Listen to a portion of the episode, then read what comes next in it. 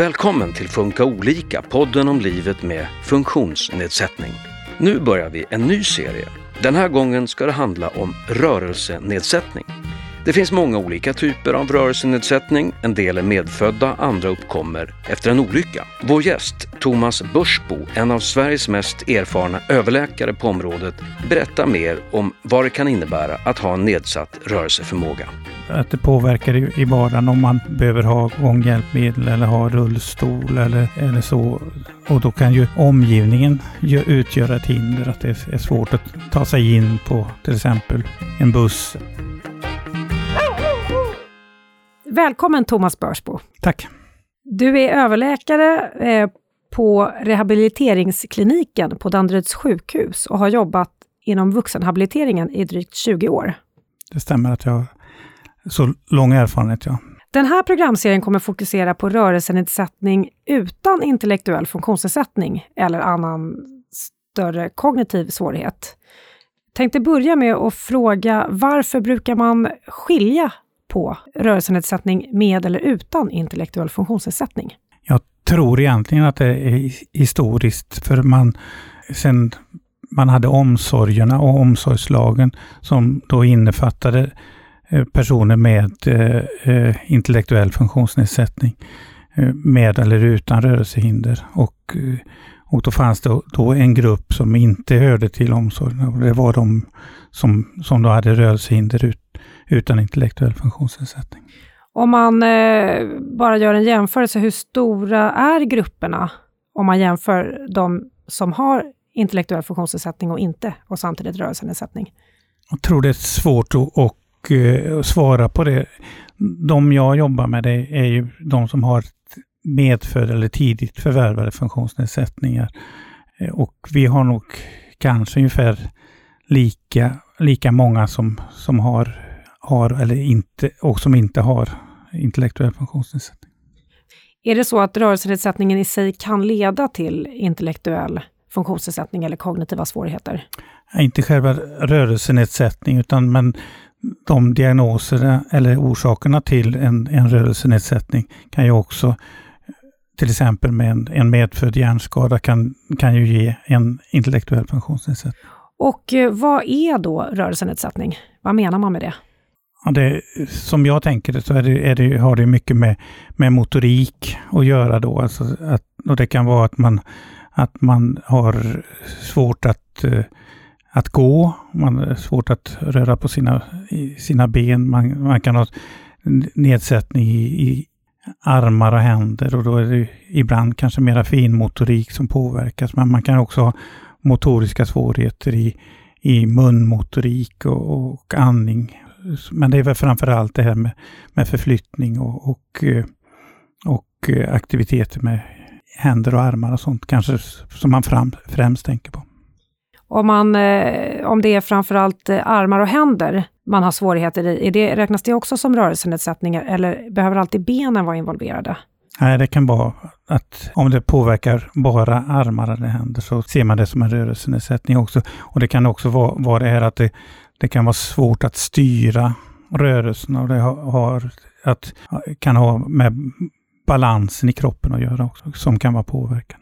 Brukar man prata om olika grader av rörelsenedsättning? Ja, det, det brukar man absolut göra. Och det, det är ett, ett så vitt och omfattande begrepp det här med rörelsenedsättning. Så det kan ju vara bara att det påverkar väldigt lite i vardagen med rörelsenedsättning till att man har en, ett väldigt stort, eh, en väldigt stor nedsättning av, av rörelseförmågan och kanske inte kan röra sig alls.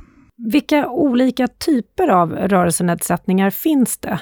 Det är nog svårt egentligen att kategorisera det. det det, det, kan ju bero mera på de symptom som, som rörelsenedsättning är och utifrån de diagnoser som finns. Då. Men man kan ju säga att, att det finns ju de som jag pratade om tidigare, med medfödda och tidigt förvärvade funktionsnedsättningar. Och sen finns det ju att, att man kan förvärva en, en rörelsenedsättning senare i livet. Till exempel en stroke eller en förvärvad hjärnskada som kan bero på en trafikolycka till exempel, eller infektion eller en, en tumör. Vilka diagnoser finns det?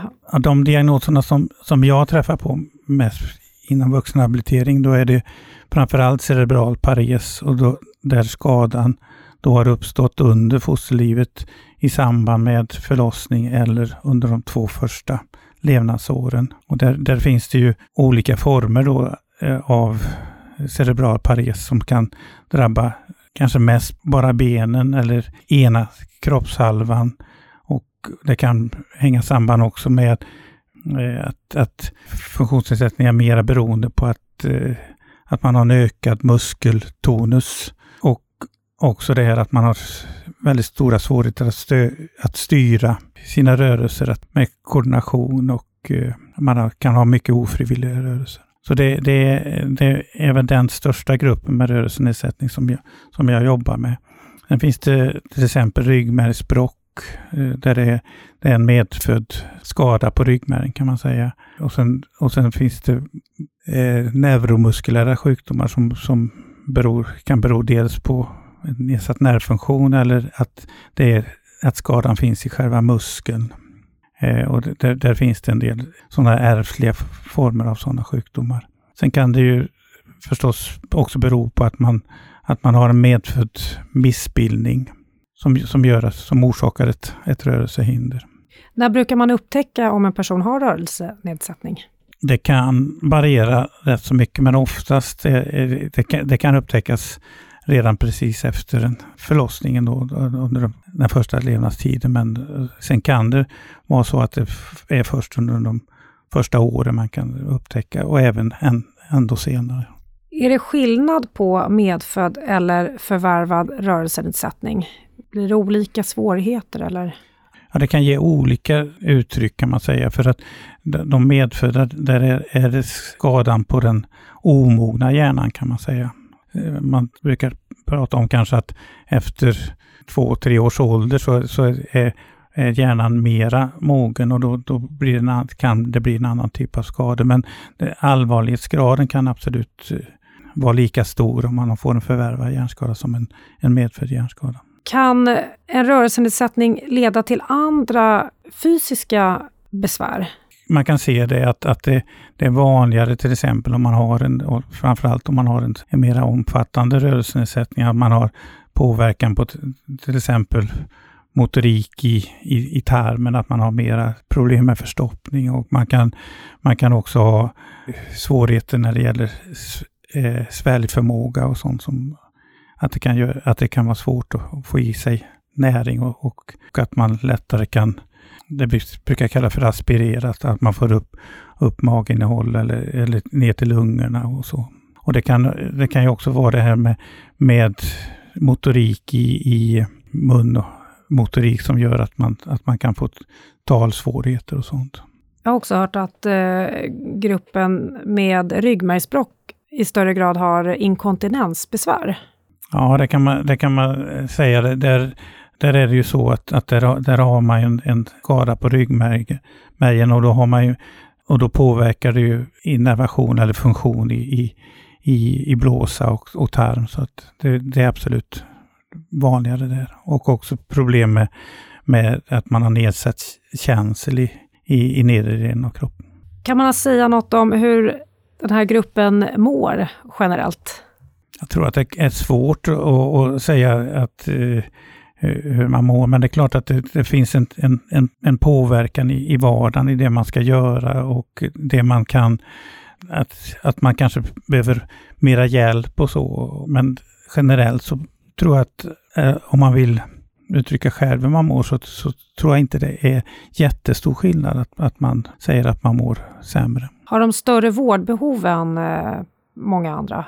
Det kan man ju ha om man har, en, om man har en, ett mera omfattande rörelsehinder som till exempel eh, gör att man inte kan, att handmotorik inte fungerar. Och då, då brukar man kom, benämna det som aktivitetsbegränsningar då. Och det är ju till exempel att det är svårt att sköta sin personliga hygien och, eller ta av och på sina kläder och, och eh, äta till exempel. Och, och förflytta sig förstås. Kan man säga något som är viktigt för att ha god hälsa för personer med rörelsenedsättning?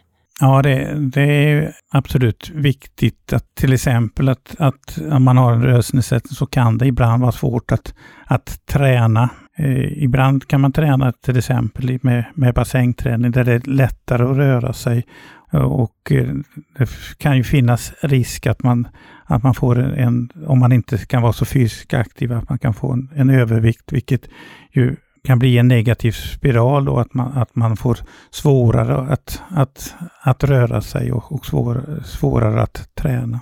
Och också, då också svårare med till exempel förflyttningar till och från en rullstol. Och så. Kanske mer smärta också? Ja, det, det är nog så att, att eh, ibland blir ju leder och sånt stela när man inte, inte rör på sig. Man får, man bedöms som kontrakturer och sånt där. Att man har, eh, och, och det kan, kan nog ge till viss del mer smärta. Om vi pratar lite om eh, hur det kan vara att leva med rörelsenedsättning. Hur kan vardagen för en person med rörelsenedsättning se ut? Då är det ju väldigt mycket beroende förstås på i, i hur stor rörelsenedsättningen är. För, för vissa är det ju inte så att den påverkar väldigt mycket, men det, det kan ändå vara så att eh, även om man går och kanske går även utan gånghjälpmedel, att man, att man blir mera uttröttad i samband med sina förflyttningar. Eh, man brukar till exempel när det gäller cerebral pares prata om att man att man har svårt att få automatisering av, av, sin motorik, alltså att man, att, att man inte behöver, om man, att man behöver tänka på när, när, man, när man går och, och utför olika rörelser och att, att det i, i sig kan, kan ge en, en ökad uttröttbarhet. Sen eh, förstås att det, att det påverkar i, i vardagen om man behöver ha gånghjälpmedel eller ha rullstol eller, eller, eller så. Och då kan ju omgivningen utgör ett hinder, att det är svårt att ta sig in på till exempel en buss eller, eller på det sättet. Så att eh, det kan absolut påverka. Sen påverkar det också då om man behöver ha hjälp med olika, eh, olika aktiviteter. Hur kan man kompensera för den här typen av hinder? Ja, det, det är ju då förstås med olika typer av, av hjälpmedel som eh, och, där finns det ju Eh, till exempel när det gäller rent eh, förflyttningar då med, med en käpp eller en rollator, en, en manuell rullstol, om man, om man klarar av att, att köra eh, rullstolen eh, själv. Och man kan också ha att man kan ha en viss motordrift i, i när man kör så att det underlättar. Och sen en elrullstol, eh, även det som, som man både kanske kan köra själv eller få hjälp med någon som kör. Är det viktigt att eh, noga planera innan man ger sig ut? Ja, det behöver man ju oftast göra förstås. Att, att eh, till exempel om man behöver använda färdtjänst och så, så, så är det ju ofta svårare för den här gruppen att man måste ha en, en, en planering. Det är svårare när det gäller spontan aktiviteter kan man säga. Om man eh, tänker liksom generellt, hur ser det ut eh, för personer med rörelsenedsättning när det gäller förskola, skola, jobb, det här allmänna? Det ska ju vara anpassat när det gäller skola och sånt där. Åtminstone de, i den gruppen som jag träffade, det finns ju vissa riksgymnasier till exempel för eh, personer med rörelsenedsättning. Men sen ska man ju kunna gå in integrerat klass i, i, på hemorten också. Det, det finns ju en, också en, en, lagstiftning att det, med att det ska finnas en tillgänglighet. Till exempel allt som ny, nyproduceras eller med, med byggnader och, och så. Där, där är man skyldig att planera för det så att det finns en tillgänglighet. Är det några faser i livet som kan vara extra sårbara? Jag kan ju tänka mig det när till exempel när man ska börja börja skolan. Det kan vara en, en sån fas där man behöver vara mera självständig gentemot eh, föräldrar och, och, så. Sen eh, det jag stöter på väldigt mycket i mitt jobb, det är ju, eh, det är ju den här övergången när man blir 18 år och blir vuxen. Där träffar jag ju många av de här patienterna i samband med det. Eh, och, och det har ju med, med det här ja, med vuxenblivandet att göra, var, bli mera självständig, ta, ta egna beslut och vara den, den som, där man kanske ibland har fått mycket hjälp av sina, sina föräldrar tidigare.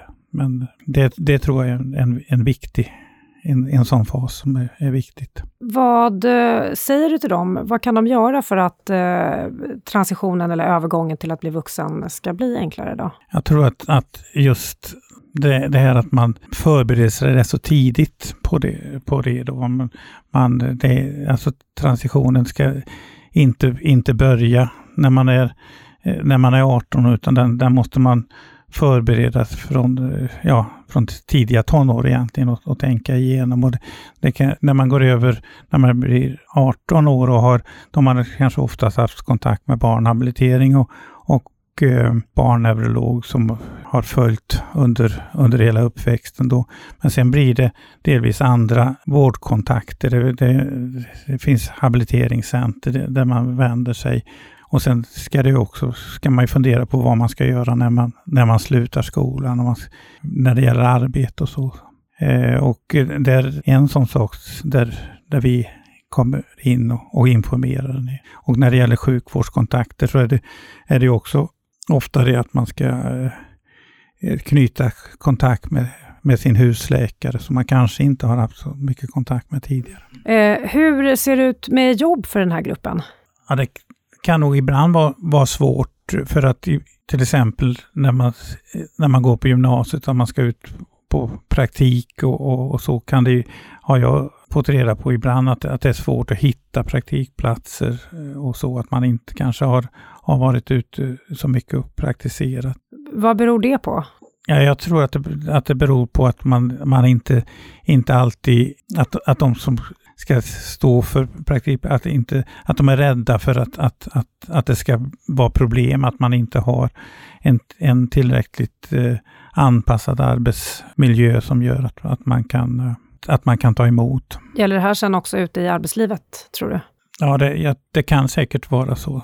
Sen, sen eh, när det gäller eh, arbetsförmedling och så, så är det bra att man rätt så tidigt ändå har kontakt med Arbetsförmedlingen. Och då, då brukar Arbetsförmedlingen, om man har någon form av rörelsehinder, begära in läkarintyg för att, att så man vet hur, hur man ska liksom handlägga ett, ett, ett sådant ärende. Om vi pratar lite om eh, insatser, vi har varit inne lite på eh, olika hjälpmedel. Men eh, vad är det för annan typ av stöd det du träffar kan behöva?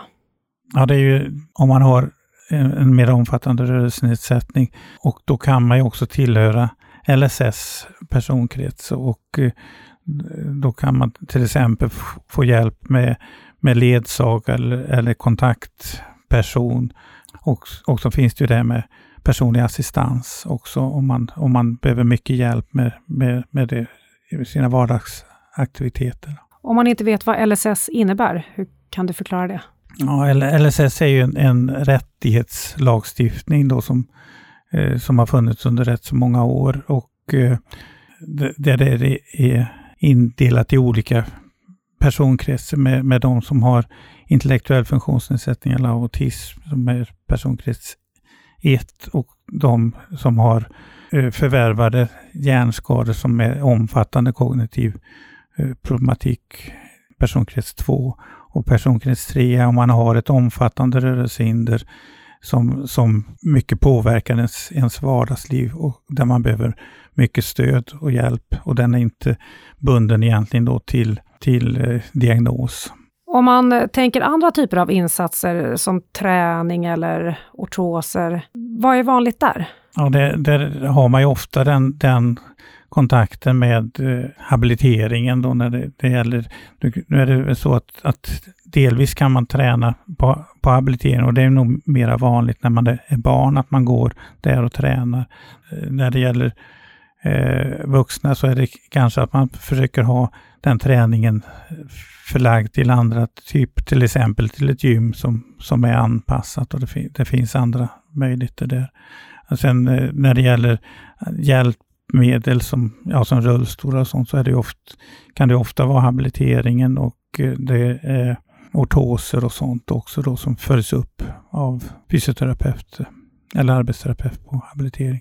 Vad är syftet med de här insatserna och medlen. Vad gör det för de här personerna? Det är ju så att man ska kunna leva ett sådant eh, bra liv som möjligt. Eller att, eh, att man ska kunna vara delaktig i, i, i samhället. Och, eh, det kan ju också hänga samman också med det här med kommunikationshjälpmedel med olika om man, om man till exempel har ett rörelsehinder och svårt att tala, att man kan ha alternativ kommunikation. Om man tänker föräldrars roll, om man har ett barn som har rörelsenedsättning, hur kan det vara för de föräldrarna? På sätt och vis, klart att det, det påverkar eh, livet, men det finns ju också mycket bra exempel tycker jag på när, när man när man, när man hittar ett, ett bra sätt att, att, leva med det som man, man kan delta i ja, olika idrottsaktiviteter och det finns anpassning när det gäller till exempel utförsåkningen. Det finns eh, olika typer av, av aktivitet som man ändå kan delta. Så att jag, det jag märker är ju att föräldrar är ju väldigt engagerade i det här och för att göra det så bra som möjligt för sina barn. Vad kan behövas för att göra livet lite enklare för familjen? Ja, det, det kan ju vara, vara den här hjälpen man, man be, behöver ha för att eh, till exempel att eh, det vi har pratat om tidigare med, med, med ledsagare eller, eller kontaktperson, att kanske barnet eller den, den unga, att man, att man kan ha möjligheter att, att också göra andra aktiviteter. Inte alltid behöva ha med mamma och pappa i samband med aktiviteter. Och sen, sen är, är, det ju också förstås det här med, med till exempel om man har, behöver ha hjälp med assistans och, och den, den biten, om man behöver hjälp med mycket i sin vardag. Om man är en förälder och, lyssnar på det här programmet och man känner att man är orolig för sitt barns framtid som har problem med rörelsenedsättning, hur kan den föräldern tänka? det är ju en del sådana som vi tar upp i samband med att man kanske kommer till, på ny besök hos oss eh, då. Att, eh, ja, det, det, är väl att, eh, att det är viktigt att, att man ändå får, får testa och, och prova själv. Även om man har en, en rörelsenedsättning. Och kanske komma i, i sammanhang där man ibland vill man ju träffa andra med rörelsenedsättning rörelsenedsättning eller funktionsnedsättning, men också vara en del i, i samhället. Det är inte alltid man, man trivs med att alltid bara träffa andra med, med funktionsnedsättning. Eh, innan vi gick in i studion så sa du att du eh, jobbar med pedagogik snarare än medicin. Vad menar du med det? Tänkte väl kanske framför allt när, när, när vi träffar patienter som kommer på nybesök i, i den här transitionsprocessen, så blir det väldigt mycket information, hur man kan se på hur, ja, vart man ska vända sig för, för olika saker och, och, och, så. Är det här en mer utsatt grupp?